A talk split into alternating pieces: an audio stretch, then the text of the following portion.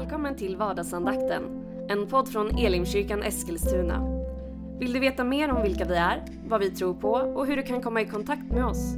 Gå då in på www.elimkyrkan.com. Nu lyssnar vi till dagens andakt. Välkommen till vardagsandakten. Jag heter Joel Backman, jag är pastor i Elimkyrkan Eskilstuna. Vad roligt att du är med och lyssnar. Vi har sett den här hösten att vi har ökat antalet lyssnare från hela Sverige men även utomlands. Och det är jätteroligt att det är så många som väljer att ta en stund av sin dag för att läsa Bibeln tillsammans med oss. Och du är ju en av dem. Varmt välkommen. Vi håller på att tala lite grann om Gud som vår försörjare.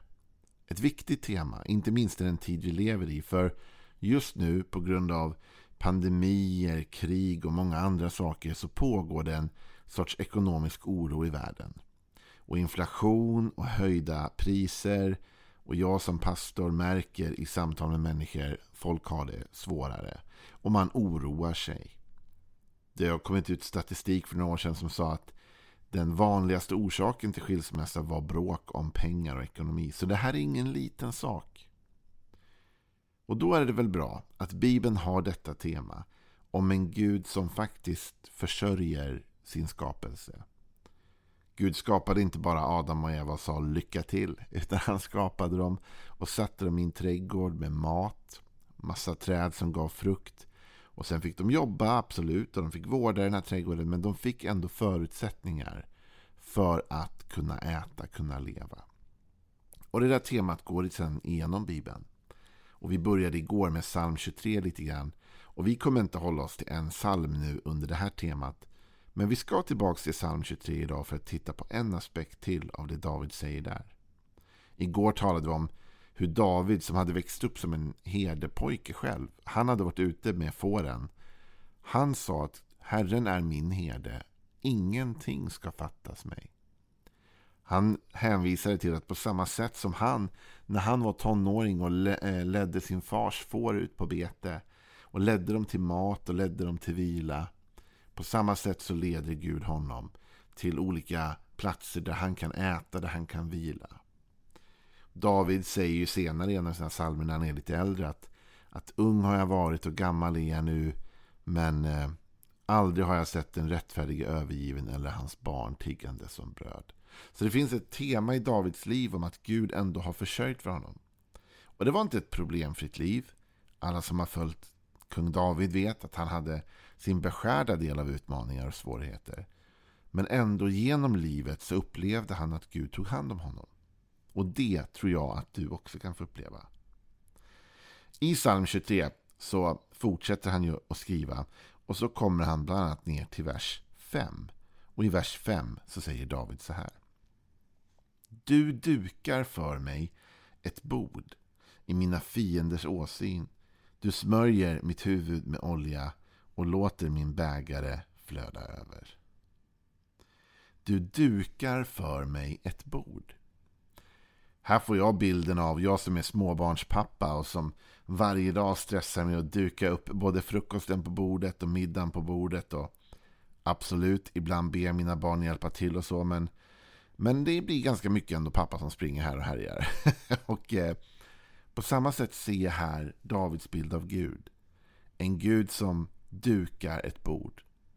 En Gud som går och ropar och säger nu är det dags att äta.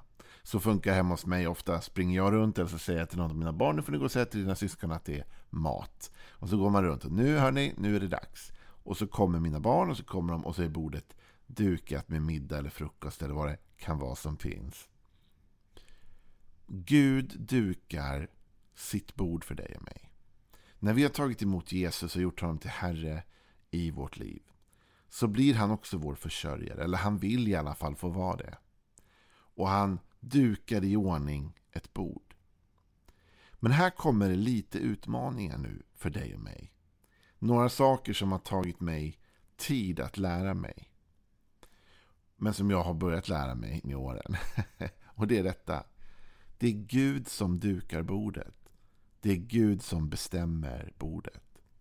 Och ofta i mitt liv har det varit tvärtom. Jag har velat duka bordet. Jag har velat bestämma vad det ska vara för mat. Och jag har sagt till Gud, det här är det som jag vill ha. Och så har jag dukat upp och så har jag sagt, Gud välsigna nu detta bord.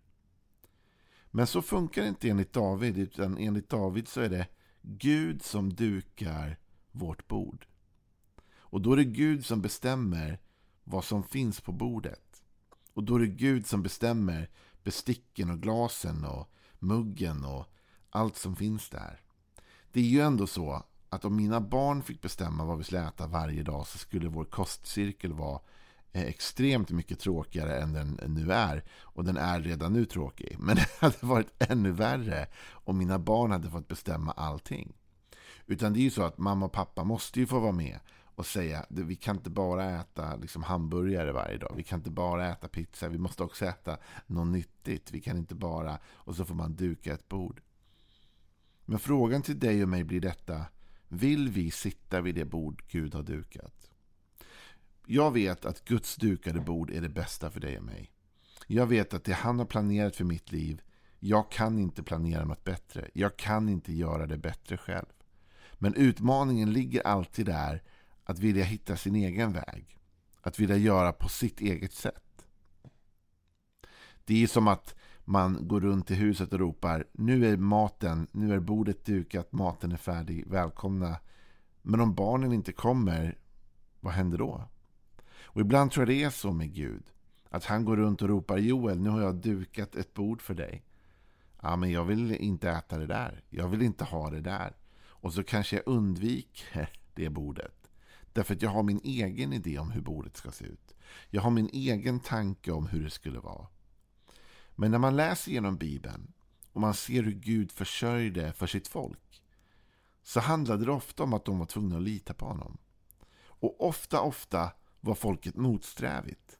Ofta sa Gud till Israel, gå hit eller gå till den platsen. Men folket ville inte gå. Och sen klagade de på Gud att de inte hade mat på sitt bord. Men faktum var att de hade inte gått dit där det dukade bordet var. Och ibland när du och jag har ont om, om försörjning i vårt liv på något sätt. Ibland när du och jag inte har det vi behöver. Så måste vi också våga ställa oss den här frågan. Har jag gått dit Gud sa att jag skulle gå? Har jag följt den vägen? Och nu säger inte jag att om du har ekonomiskt svårt så har du varit olydig mot Gud eller missat vägen. Jag säger inte det, för alla går igenom ökenperioder ibland och alla kan råka ut för svårigheter och utmaningar. Men jag skulle ändå vilja utmana dig med detta och säga kan det vara så, någon gång då och då i livet, att du och jag inte riktigt har lyssnat när han ropade nu är maten serverad här i bordet? David antyder ju att det finns ett litet problem med det här bordet som Gud har dukat. Han säger så här. Du dukar för mig ett bord i mina fienders åsyn. Så David säger det här bordet som du har dukat för mig Gud, där jag sitter och äter, det är ett bord som också kan ses av mina fiender. Och där kanske man inte vill sitta och äta. Det är kanske inte den platsen David ville ha. Men ändå, det var den platsen där Gud hade dukat bordet. Jag gillar att be bibelord. Och jag tror att jag kan ha sagt det här i något av alla de vardagsandakter vi har, men jag får väl återupprepa mig då. Jag gillar att citera bibelord när jag ber. Och ett bibelord som jag gillar hittar man i andra Korinthierbrevet 2 och 14 och det låter så här. Men vi tackar Gud som ständigt för oss fram i Kristi segertåg och sprider sin kunskapsdoft genom oss överallt. Segertåget.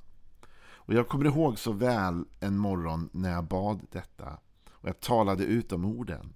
Och jag sa tack Gud för att du alltid för mig fram i ditt segertåg.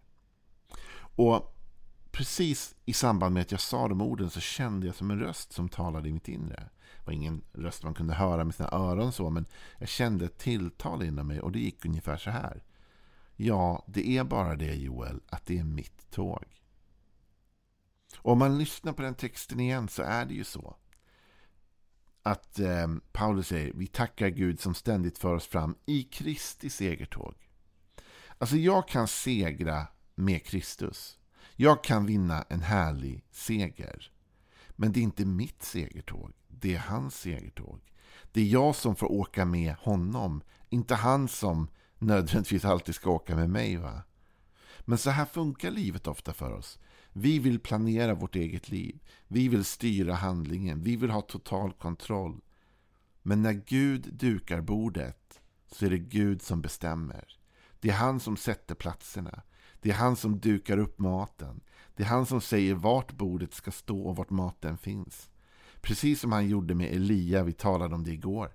När han sa till Elia först att du ska gå till den där bäcken där borta. Där finns det vatten och fåglarna kommer med mat.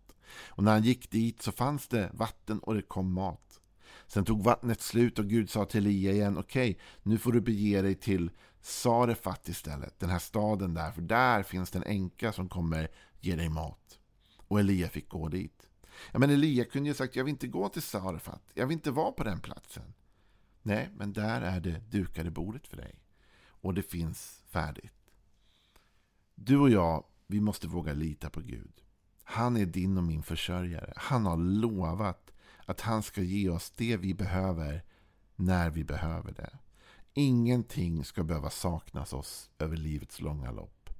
Men ändå är det så att det bygger på att vi följer honom. Han är herden, vi är fåren. Och när vi inser det här mer och mer att det är inte bara vad jag vill utan det är vad han vill. Jag kan inte bara springa vart jag vill och säga Gud ge mig mat. Jag kan inte bara säga det här vill jag bo, det här vill jag göra, det här är platsen för mig. Gud nu får du förse mig. Utan om jag vill att han ska vara min herde, då får jag lyssna på honom när han leder mig. Då får jag säga Gud, vart är det där dukade bordet? Det tycks, det är lite torftigt just nu. Gud, det känns som att jag äter smulor just nu. Det känns som att mina pengar inte räcker till. Det känns som att saker inte funkar. Vart är det egentligen det dukade bordet? Och då kan det hända att Gud talar till dig. Och Gud talar till mig och säger Joel, jag har dukat ett bord här borta. Det är det här arbetet du ska ha. Det är den här staden du ska bo i. Det är den här platsen du ska bege dig till. Det är så här du ska göra. Då får du äta ett gott och dukat bord. Jag tror faktiskt också att det ibland kan innebära att precis som jag behöver styra upp mina barns kost lite grann och faktiskt säga till dem ibland att nej, vi kan inte bara äta det där eller vi kan inte bara äta det där. På samma sätt så tror jag att Gud också får peta i vårt liv ibland. Och det kan faktiskt vara så att när vi kommer till Gud och säger Gud, jag har ingenting, du har inte försörjt för mig. Så kanske Gud säger, du har gjort en del val Joel som, som inte jag bad dig göra. Säg upp det här abonnemanget, den där räkningen, avstå från det där. Han kanske visar mig saker i mitt liv som jag kan justera för att bättra min ekonomi. Gud kanske säger till mig, jag bad dig aldrig gå ut och köpa en sådär dyr bil. Du har inte råd med den Joel. Jag hade förberett den här bilen för dig men du ville ha din egen mat. Jag hade ett dukat bord som du kunde ätit och mått bra och haft det du behövde, men du ville ha mer. Eller du ville ha något annat. Alltså så mycket i det kristna livet handlar om efterföljelse. Och efterföljelse handlar om förtroende. Det handlar om att jag faktiskt tror att Gud vill mitt bästa. Att jag med livets perspektiv ska kunna se att det han hade planerat för mitt liv, det var det bästa. Att det jag själv tänkte, det jag själv drev på, det som jag trodde var lösningen, det var kanske bara mina egna tankar, det var fåfänga, det var mycket annat. Och nu säger inte jag att inte du ska lita på dina tankar eller ditt hjärta. För Gud talar ofta just genom vårt hjärta och genom våra tankar. Och han har gett oss ett intellekt. Och han har gett oss mycket sånt där att använda oss av. Men ändå, lyssna med dina inre öron. Och om du just nu känner att du är på en plats i livet där det inte räcker till riktigt, ta med dig den här bönen idag. Jag tror att den kan förändra ditt liv. Gud, var är mitt dukade bord? När du och jag ber den bönen, då öppnar vi upp oss för att Gud kan visa oss. Då kan Jesus säga, vad bra Joel att du äntligen frågar. jag har väntat på att du ska fråga. Jag har verkligen dukat ett bord åt dig. Här borta står det. Det här är platsen där det är. Du har försökt äta där borta, men det är inte ditt bord. Du har försökt äta någon annans bord. Du har försökt skapa ett eget bord. Du har gjort massa andra grejer. Här är bordet. Så det är den bön jag tycker du ska be under helgen nu framöver. Be så här. Gud, var är mitt bord? Vart har du dukat för mig? För jag vet att du är en god herde och jag vet att du har dukat ett bord och jag vill hitta det bordet, Gud. Om du vågar be den bönen då kommer Gud visa dig vart just du ska äta, vart din plats är och du kommer märka att det är god mat och det är mättande. Ha en välsignad helg. På måndag är vardagsandakten tillbaka igen. Hej då. Du har nu lyssnat till vardagsandakten från Elimkyrkan Eskilstuna. Du har väl inte missat att vi finns på sociala medier? Eller att vi varje söndag firar gudstjänst? Hoppas att vi ses där.